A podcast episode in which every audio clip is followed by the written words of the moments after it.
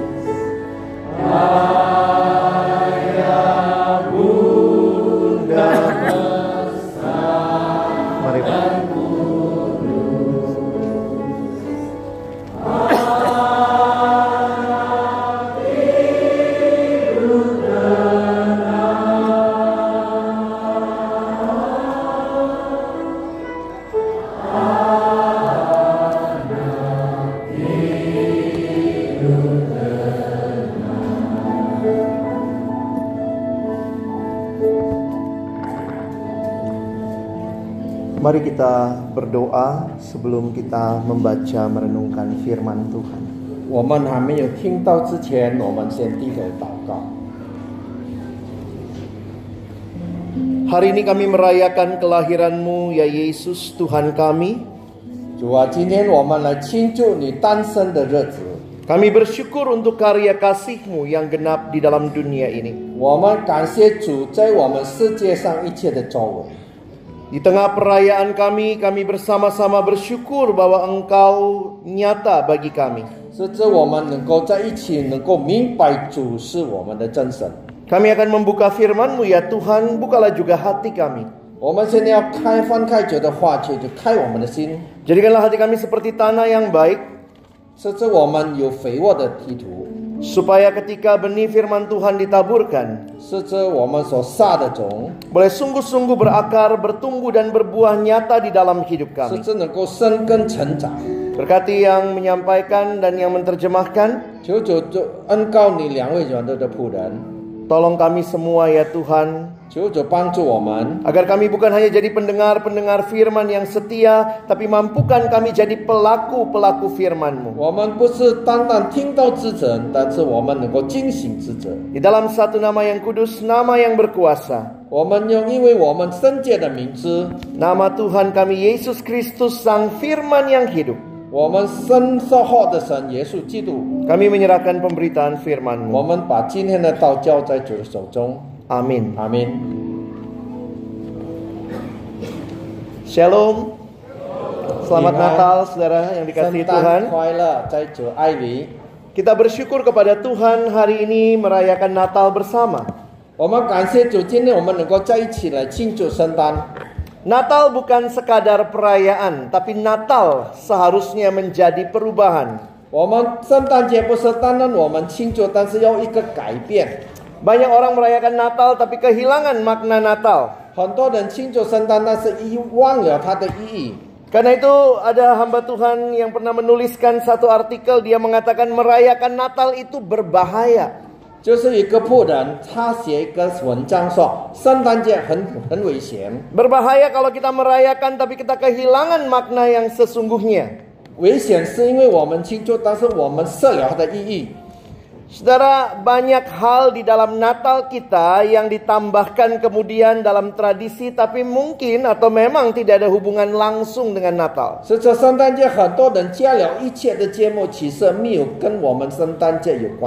Natal artinya lahir. Itu dari bahasa kalau bahasa Indonesia diambil dari bahasa Portugis. Joko ini wan, woman seorang Sipanya ada hua Bahasa Latin juga menggunakan istilah yang sama. Latin wan ye Natal artinya lahir. Tan, sentan ju se tan sen. Siapa yang lahir? Sesuai tan sen? Yesus Kristus. Woman da ju Yesus Cido. Jadi harusnya kalau Natal, saudara, kita bersama-sama mengerti ini hari ulang tahunnya Yesus. Jika kita tahu ini adalah hari ulang tahunnya Yesus. Ada satu anak kecil tanya sama mamanya dia masih balita. mama wan mama. Dia tanya, "Mami, mami, what is Christmas?" Lalu mamanya bilang, "Christmas is Jesus birthday." Hari ulang tahunnya Yesus.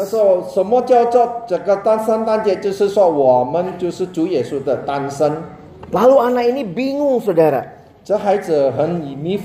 Kalau ini ulang tahunnya Yesus, Mama,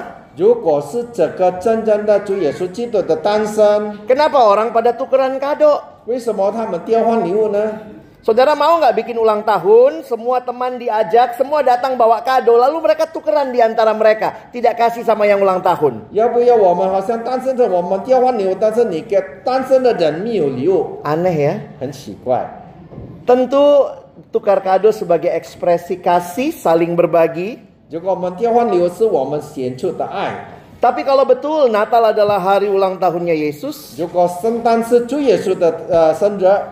maka kiranya saudara dan saya memikirkan dengan baik hadiah Natal apa yang saudara dan saya mau persembahkan kepadanya.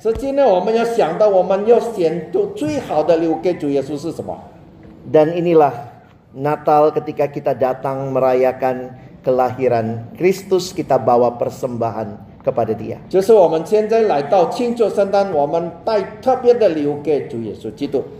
Maka mari sama-sama kita akan melihat siapakah Yesus yang datang dalam Natal itu. 我们来看是谁圣诞节来的主耶稣基督。 Ada dua Injil yang mencatat kelahiran Yesus, yaitu Injil Matius dan Injil Lukas. 在福音里面，你两个福音说到主耶稣诞生， Markus tidak mencatat kelahiran Kristus. 是在马太、路加，在马可没有写在。 Dan yang menarik, Yohanes mencatat pra-eksistensi Yesus, siapa dia sebelum dia datang ke dalam dunia. 在约翰福音很清楚的告诉我们，主耶稣还没有来到的时候是谁。 Kita akan membuka Injil Yohanes pasal yang pertama. 我们看约翰福音第一章， Mari kita melihat ayat 1 sampai ayat yang kelima. 我们读的从第一节到第五节。 Saya mengajak kita dalam bahasa Indonesia akan membacanya hanya dalam bahasa Indonesia ayat 1 sampai ayat yang kelima kita akan membaca bergantian. Mari kita mulai, saya akan mulai baca ayat 1, saudara baca ayat 2, kita bergantian sampai ayat yang kelima. Pada mulanya adalah firman, firman itu bersama-sama dengan Allah dan firman itu adalah Allah.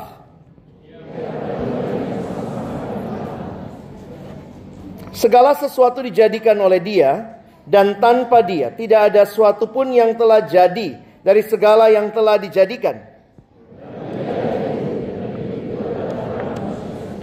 Terang itu bercahaya di dalam kegelapan, dan kegelapan itu tidak menguasainya. Sampai ayat 5 saja ya, Bapak Ibu bisa lanjut di rumah nanti sisanya ya. Nah, kita bersyukur melihat apa yang disaksikan oleh Rasul Yohanes. Kalau saudara melihat, ini adalah sebuah prolog dalam Injil Yohanes yang disampaikan kepada kita.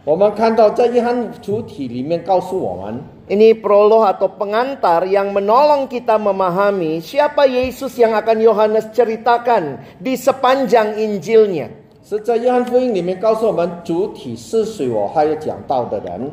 Kalau saudara pernah nonton film-film superhero, 如果我们看到很多那些呃烈士的故事呃电影， mungkin saudara pernah tahu ya bahwa kenapa superhero itu dia punya kekuatan seperti itu karena biasanya dikasih tahu di awalnya. 就是因为为什么我知道他是猎人？因为他从走我们就告诉我们他是谁。 Saya nggak tahu nih yang tua-tua pada nonton film-film superhero nggak ya. Tapi yang muda mungkin nonton ya. 我不知道我们大家老老一辈的有没有看这样的电影？年轻的是肯定有。 Kenapa Batman atau kenapa Spider-Man bisa nempel di dinding, saudara? 为什么 Spiderman 或者 Batman 他能够放到那个墙壁上？ Karena kita tahu, oh dia ternyata pernah digigit oleh laba-laba yang eh, apa? Laba-laba penelitian sehingga akhirnya bermutasi di dirinya, dia bisa nempel di tembok. 原来他被蜘蛛咬了以后，他就能够在壁上粘着。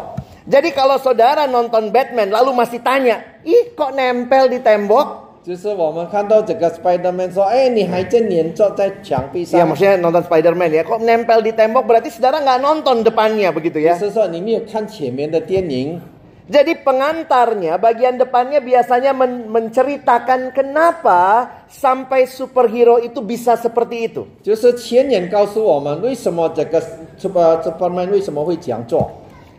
Makanya kalau saudara perhatikan, Yohanes memberikan pengantar kita membaca Injilnya. 就是在约翰福音告诉我们的前言，我们要读的。 Di bagian awal Injil Yohanes 5 ayat pertama tadi, 在约翰福音五章之内， apa yang Yohanes sampaikan? 约翰所说的是什么呢？ Yohanes tidak menceritakan Yesus lahir di kandang, Yesus lahir di dalam eh, suasana yang sangat sederhana. 啊，约翰没有说到主耶稣在马槽里面，或者在一个普遍的诞生里面。 Fokus Yohanes adalah siapa Yesus sebelum dia datang ke dalam dunia dan ketika dia datang dia siapa. 约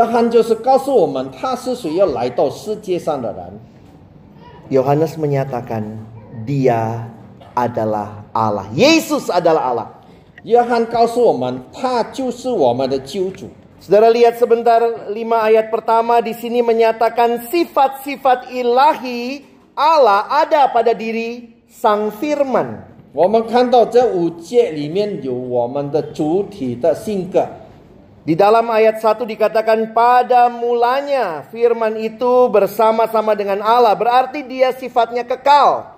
太初有道，道与人人同在，就是说起初就是永恒的。 Saudara perhatikan ayat yang kedua dan ayat eh, maaf, ayat yang ketiga. Segala sesuatu dijadikan oleh dia. Dia adalah pencipta. Hanya Allah yang mungkin mencipta. 第三节告诉我们，万物是借着他造的，反被造的，就是他是被造。 Saudara perhatikan ayat 4, ayat 5. Istilah yang digunakan adalah dia adalah hidup. Dia adalah terang. Dia sumber dari semuanya. 第四、第五节告诉我们，他是源头的光，他是火的光。 Jadi siapa Yesus? 我们知道主耶稣是谁， Yohanes mau menyampaikan dialah Allah sendiri. 在约翰过福音告诉我们，他就是我们的神。 Ini cara Yohanes memberikan kita pengantar membaca Injilnya. 这是约翰告诉我们怎么样读到前言的意思。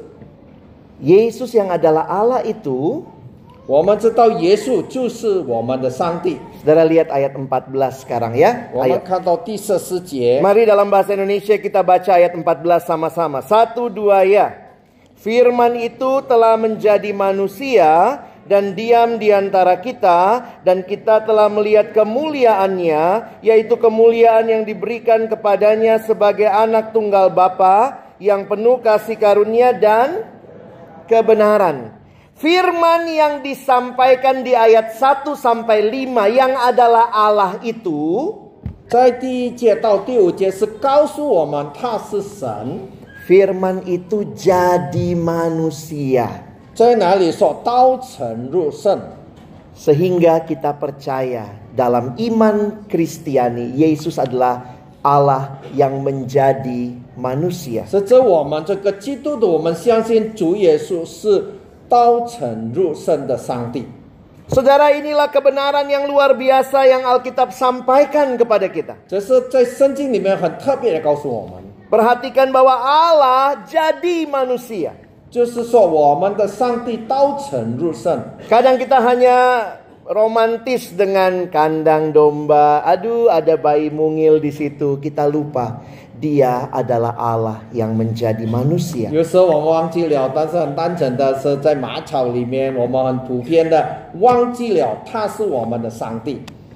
Saudara, pernahkah membayangkan Allah jadi manusia? 有没有想象到，就是我们的上帝道成入圣呢？ Ini di luar kemampuan kita berpikir, saudara. 是超越我们的思想， Tapi inilah fakta sejarah yang terjadi di dalam diri Kristus. 是在我们知道历史上就是基督的发生。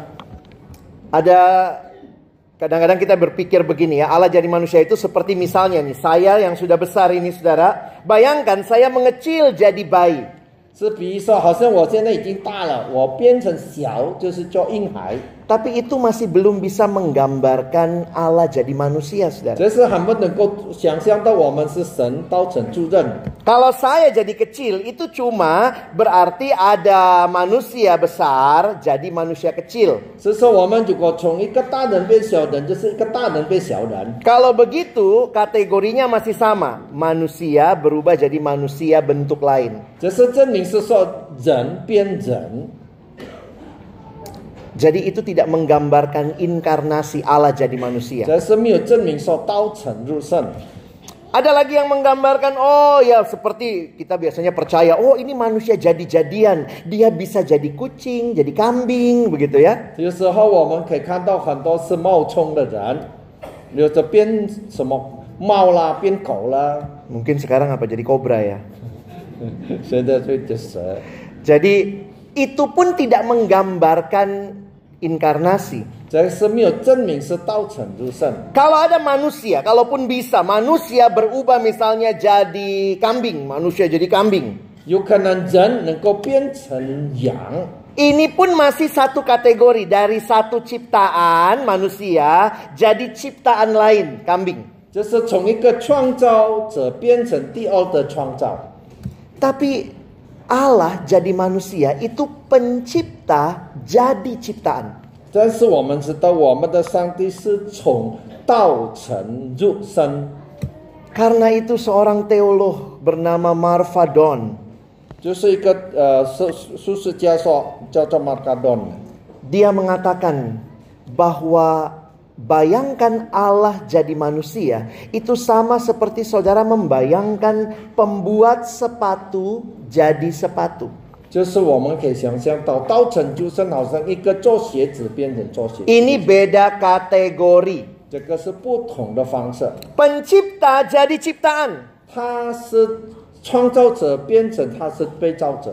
Nah mungkin saudara bertanya ngapain Tuhan lakukan itu? 但是有时候我们会问，为什么要这样做呢？ Kenapa kita merayakan Natal di mana Allah jadi manusia? 这是我们在圣诞节时候，上帝从道成入生， Apa tujuan dia datang jadi manusia mengorbankan diri begitu rupa demi kita? 他为了牺牲来到世界上，为了我们。 Saudara Yesus tidak lagi studi tour, studi banding, kunjungan kerja, live in. 主耶稣不是来到世界先观看我们， Tapi Yesus datang supaya saudara dan saya yang hidup dalam dosa boleh dilepaskan 但是主耶稣来到世界上，是因为你与我个罪人是跟我们被脱离。 Dosa harus dihukum. 结果犯罪肯定要审判。 Di dalam perjanjian lama sistemnya digambarkan melalui persembahan kurban. Ada kurban yang harus disembelih mati. 结果就业方式，他们要经过一切的呃， 在坛上烧那些动物。 Yesus harus jadi manusia. Allah harus jadi manusia. 就是我们知道主耶稣要道成入圣， Dengan demikian barulah persembahan kurbannya itu sah. 是指这个献物才是真实的。 menebus manusia yang berdosa, membayar hukuman kita. Dia datang menjadi manusia. Dalam bahasa Inggris digunakan istilah He is the perfect sacrifice. Dialah kurban persembahan yang sempurna.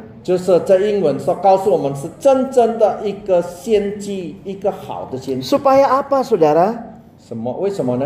Supaya kita dibebaskan dari dosa. Saudara, kalau kita lagi tukar kado gitu ya, kadang-kadang kesel juga kalau tukar kado lalu dapat kado yang kita nggak butuh.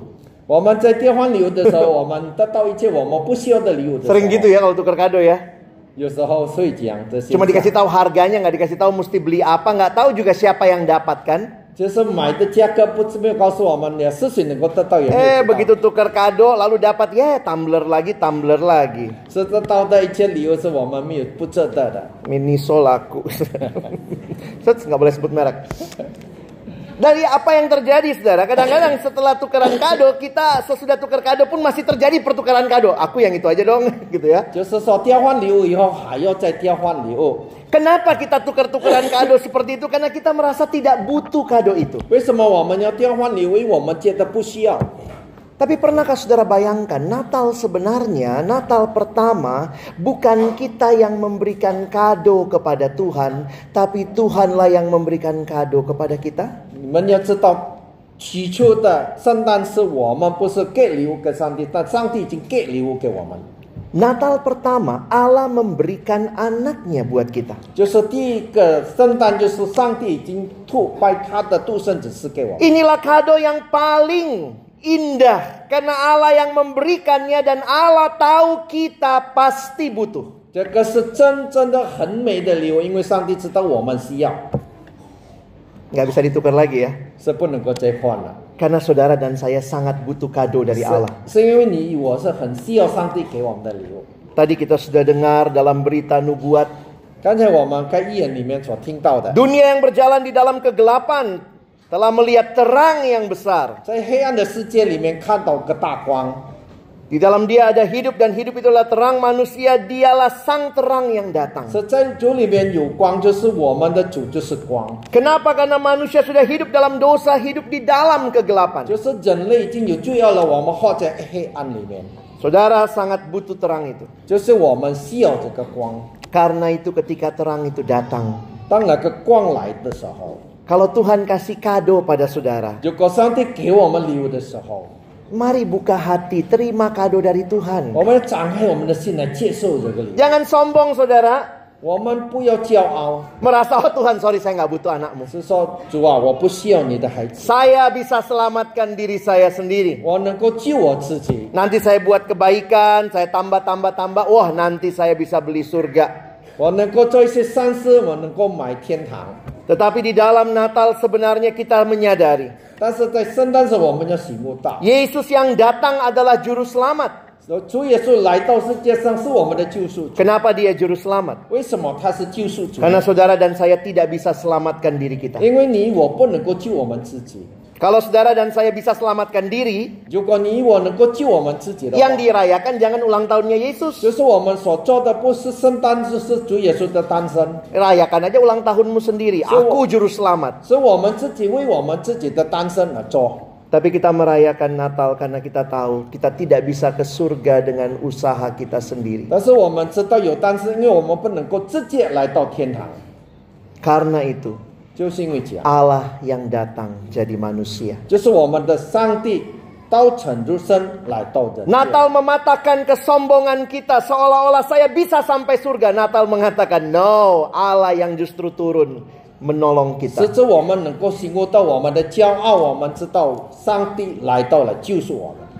Dan inilah kabar yang indah itu, saudara. Tapi ada hal yang indah lagi kalau saudara lihat di ayat yang ke-11 dan 12 bacaan kita ya. Saya ajak saudara lihat ayat 11 dan 12 dalam bahasa Indonesia. Saya baca ayat 11, saudara baca ayat 12 ya. Saya baca ayat 11, saudara baca ayat 12. Ia datang kepada milik kepunyaannya, tetapi orang-orang kepunyaannya itu tidak menerimanya.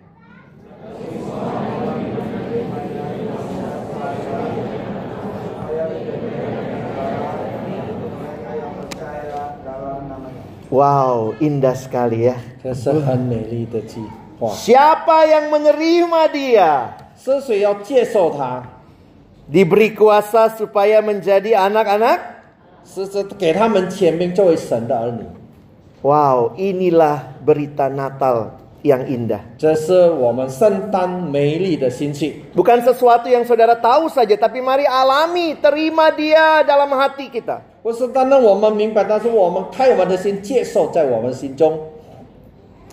Apa hubungannya dengan tema kita menyatakan kemuliaan? 今天我们的主题有什么关系呢？是说我们能够显出上帝的荣耀。 Kalau kita disebut anak Allah, kita mesti mirip siapa saudara? 如果我们说主的儿女，就是我们像谁呢？ Ada nggak ya orang tua yang pingin sekali anaknya makin hari makin mirip tetangga? 有没有一个的，然后他的孩子每天都是像邻居的恋一样。 Mungkin kalau apa anaknya pulang papanya bilang, "Wah, papa bangga sekali lihat nak hidungmu makin mirip om di seberang jalan." 如果是说，哎，孩子，你的鼻子好像我们邻居的脸一样， Orang tua yang normal pasti pingin anaknya mirip dia. 这是一个普遍的一个呃老人家肯定要孩子像他自己。 saya ingat besuk teman melahirkan ini teman KTB, teman kelompok tumbuh bersama, suami istri teman saya. Uh, ya tapi tetap waktu itu yang melahirkan istrinya ya. waktu kami datang lalu kemudian bayinya baru selesai menyusu. Anak pertama saudara ya dipamer sama kita yang datang.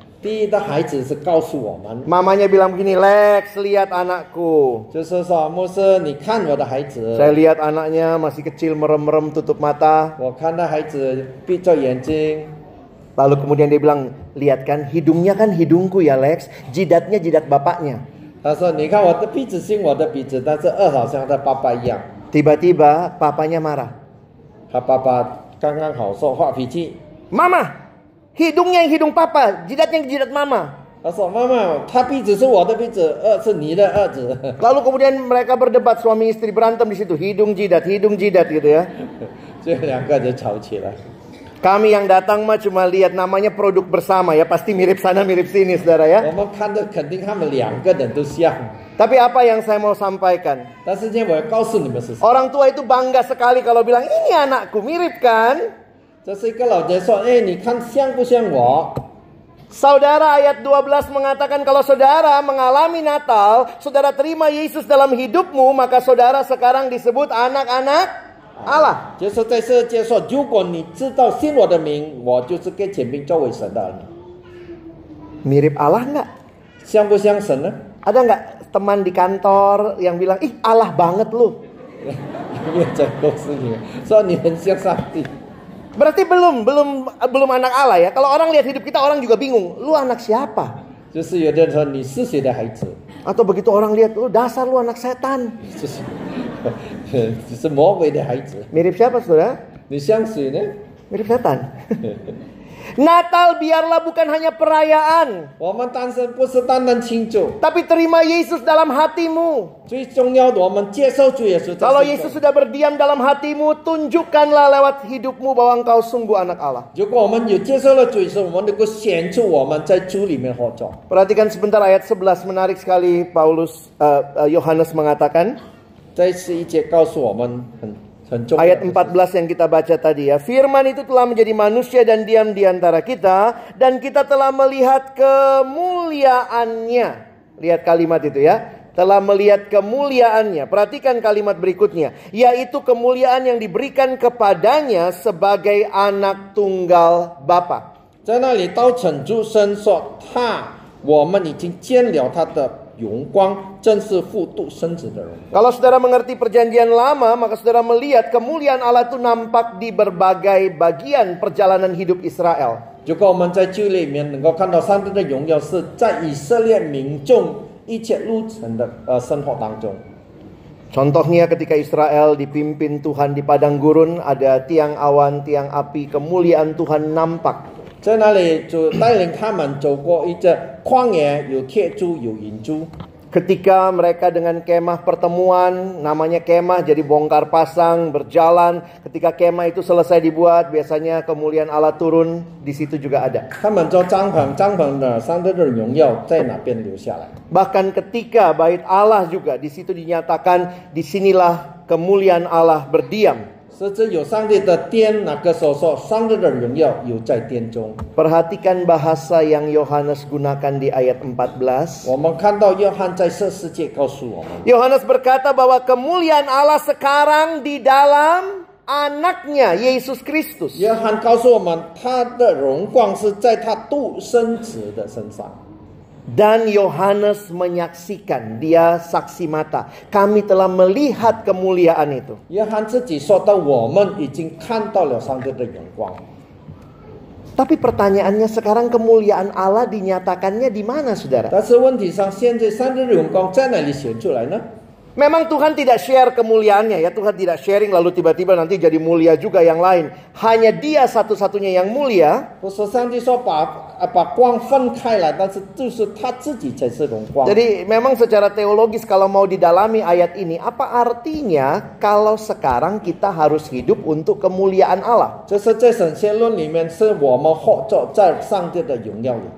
Saya ajak lihat satu ayat di perjanjian lama ya. 在 Um, 就业我们带领 Yesaya 43 ayat 7. Sebentar ya, saudara coba perhatikan ayat ini. 在野赛亚书第四十三章第七节告诉我们， Mari saudara lihat Yesaya 43 ayat yang ketujuh. Kita baca dalam bahasa Indonesia. Satu, dua, ya.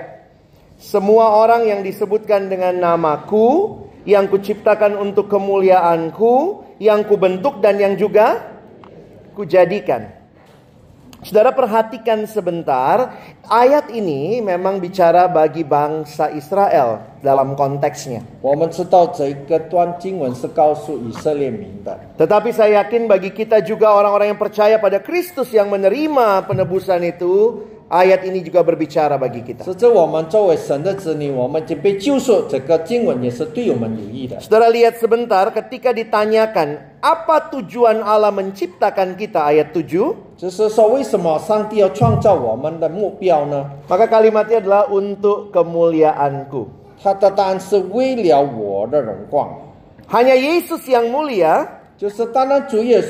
Karena Yesus adalah Allah yang datang jadi manusia. Tetapi bagi kita yang terima Dia, kita anak-anaknya yang diciptakan oleh Allah. Tuhan mau juga kita hidup menyatakan kemuliaannya. Makanya ada yang tanya begini, apakah Tuhan itu kurang mulia ya? Karena dia kurang mulia, dia ciptakan kita muliakan dia. Maka waktu kita muliakan dia mulia mulia dia tambah mulia. Apakah begitu? Tidak 不是， Pasti Tuhan sudah mulia. 是因为我们的上帝是有荣耀 Kalau 的 begitu apa artinya diciptakan untuk kemuliaannya? 神，是为什么我们被造是荣耀他的名呢？ Saudara pernah nanti besok ya kalau matahari cerah, 明天如果呃太阳很亮的时候， Ini ilustrasi aja, saudara keluar bawa cermin. Pernah lihat cermin ya? 我们是一个比喻，好像我们镜子，我们看过吗？ Saudara arahkan cermin ke matahari. 我们把镜子照在太阳下， Lalu bilang sama matahari, Mat, saya tambahin ya cahayanya. 是说啊、太阳我在加你的光， Matahari tambah terang? 是不是太阳更光吗？ Oh, kurang banyak cerminnya. 是不是镜子不够多？ Semua jemaat GKI Kota Modern besok datang lagi bawa cermin. Arahkan sama-sama pada jam berapa? Set, arahkan. Matahari tambah terang? 是不是我们全部带着镜子照着太阳？是不是太阳越光吗？ matahari tidak tambah terang. Kenapa? Karena dia sudah terang. Kalau begitu, apa gunanya cermin itu? Cermin merefleksikan terangnya matahari. Sekarang perhatikan poinnya. 我们来注意它的经重点。 Saudara dan saya tidak dicipta supaya nambah kemuliaan Allah 你与我所造，不是我们加上帝的荣耀， karena dia sudah mulia. 因为上帝已经荣耀了。 Tapi ketika dia ciptakan kita untuk kemuliaannya, 但是上帝造我们为了他的荣耀， itu berarti melalui hidup kita harusnya seperti cermin merefleksikan kemuliaan Allah. 这我们活得好像一个镜子来相反反射主的光。 Dan saya bersyukur untuk Natal. 就是我这个感恩今天 的单身， Karena Allah jadi manusia 因为主耶稣道成主圣， dan Yesus hidup sebagai manusia. Dia menjadi perfect example, teladan yang sempurna. Teladan yang sempurna bagaimana kita harus hidup memuliakan Allah. Kalau Yesus nggak pernah jadi manusia, kita nggak punya teladan ya. ya. Apa artinya kemuliaan Allah? Kita nggak pernah lihat kayak mana sih hidup yang memuliakan Allah. 我 Allah. 们不能够荣耀主，我们不知道怎么样来荣耀主。 Tapi karena Yesus jadi manusia, kita jadi mengerti apa artinya hidup memuliakan Allah. 因为主耶稣作为人类，我们知道怎么样活着，为了荣耀主。 Harusnya dalam hidup kita orang bisa melihat Allah yang mulia itu. Makanya saya tanya lagi saudara ya, sudah begitu nggak hidup saudara? Ada nggak yang waktu lihat hidup saudara langsung bilang, ih kau Yesus banget sih? Gitu. Harusnya kalau kita alami Natal,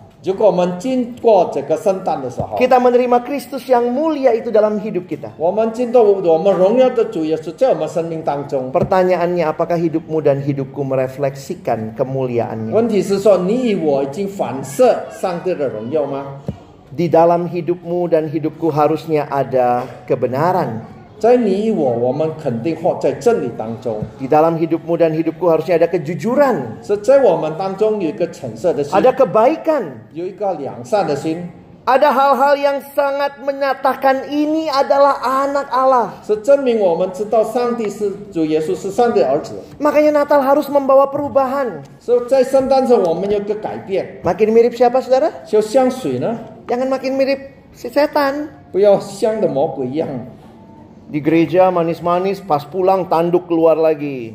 在教会里面好好的，再回家有我们的脚出来。 Tiap hari berantem suami istri. 在家庭里面，我们夫妻吵架， Bicara sama anak, anak balikin. Ah, papa mama aja berantem. 在家里孩子们说你父母都一直打架。 Kita mau jadi orang-orang yang merayakan Natal. 我们要作为这个圣诞庆祝的时候， Orang-orang yang merayakan perubahan karena Kristus ada di hidup kita. 我们要一个改变，是指我们知道主耶稣活在我们里面。 Satu waktu saya datang Natal, saudara, MC-nya bilang begini. 有一次我来到一个圣诞礼拜的时候，他 Jadi- 的主领人说， Waktu itu sudah selesai ibadah, sudah acara perayaan, lalu MC-nya bilang begini, saudara. 那个时候我们敬拜以后，已经庆祝了以后，那个主领人对我说， Dia bilang, baik saudara, kita tiba pada acara puncak kita malam ini, yaitu makan malam bersama. 是说最后我们现在有一个，请你们这进入联系。 Saya pikir khotbah saya puncaknya. Ternyata makanan. 原来是叫我们吃。 Kalau Natal hanya masalah makanan, 结果我们来到圣诞就是为了吃， ganti lagunya. Ganti lagunya, Pak. 换过歌的别的歌 Kan。kita nyanyi, Hai dunia gembiralah dan sambut rajamu. Harusnya ganti kan? 就是换一个一句话的说， Hai dunia gembiralah dan sambut makanan. 世界欢腾，我们来接受银色。 Nanti refrennya, di perutmu terimalah makanan yang banyak, makanan yang banyak. Gak usah diterjemahin Pak. Bapak bingung, saya lebih bingung nanti. Memang Natal ini, jadi begini saudara. Kalau Natal hanya membawa perubahan berat badan, saudara kehilangan makna Natal.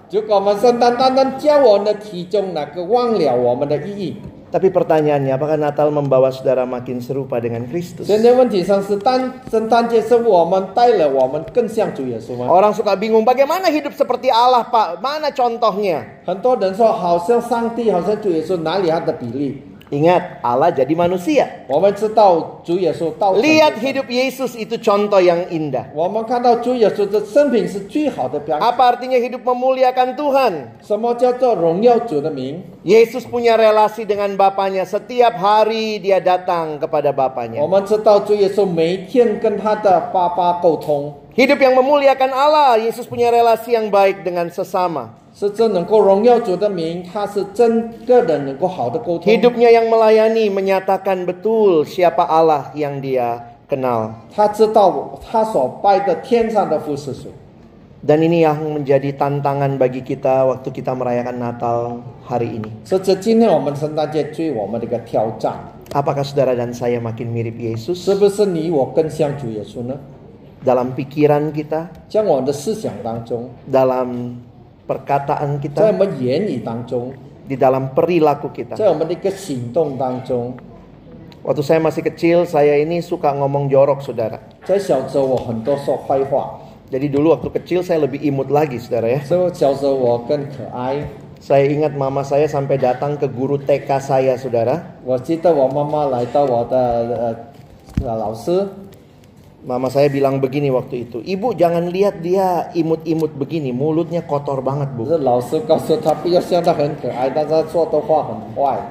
Karena saya, saya sama cici saya kami besarnya uh, papa mama kerja.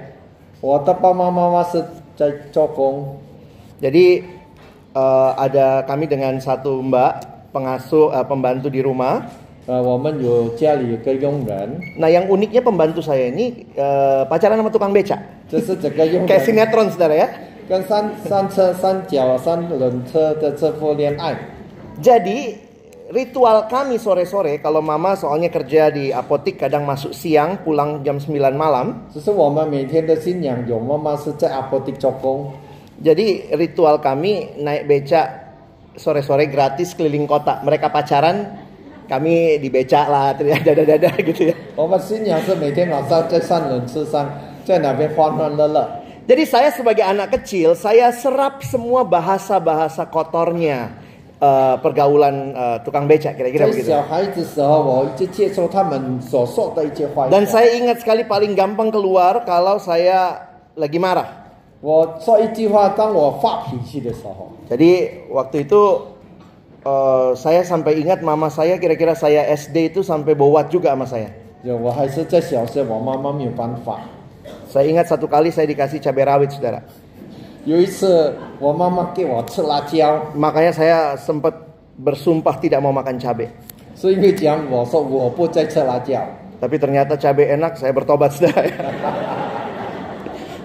sekarang mulai makan lah walaupun uh, saya biasanya milih ya yang mana pakai cabai mana enggak gitu ya. Waktu saya bertobat kelas 1 SMA, salah satu yang paling sulit bagi saya adalah mengubah kebiasaan bicara.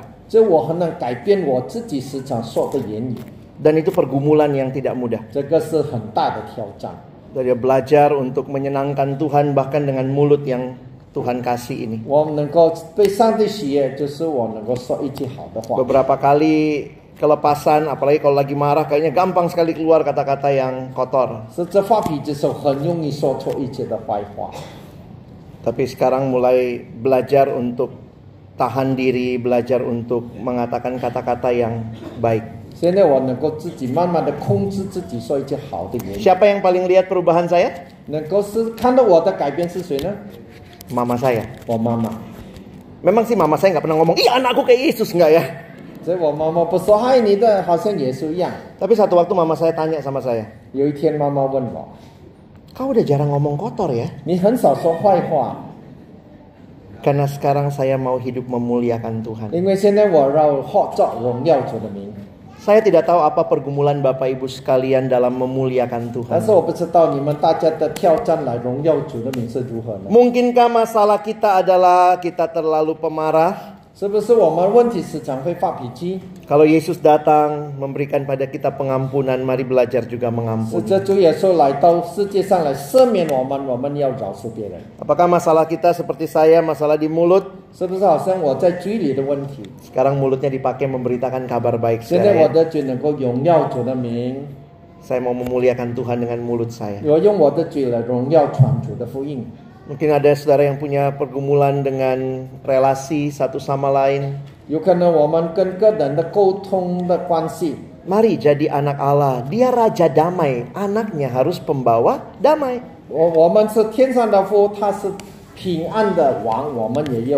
Ada orang merayakan Natal, tapi memang ya Natal ini bisa bikin konflik juga, saudara ya. 就是在圣诞节有时候会有个纷争， Di beberapa gereja saking meriahnya Natal ternyata konflik antar panitia. 是因为在每个教有的教会因为太光太大，变成 Beberapa 它里 kali 面的 saya 纷争 khotbah temanya damai, tapi di belakang saya lihat ini kayaknya kalau ada kalau nggak ada wasit ini jadi nih gitu ya. 在很多时候，他们前面说的和平，但是里面好像很大的纷争。 Kita hidup dalam perbedaan, tidak ada dua pribadi yang persis sama.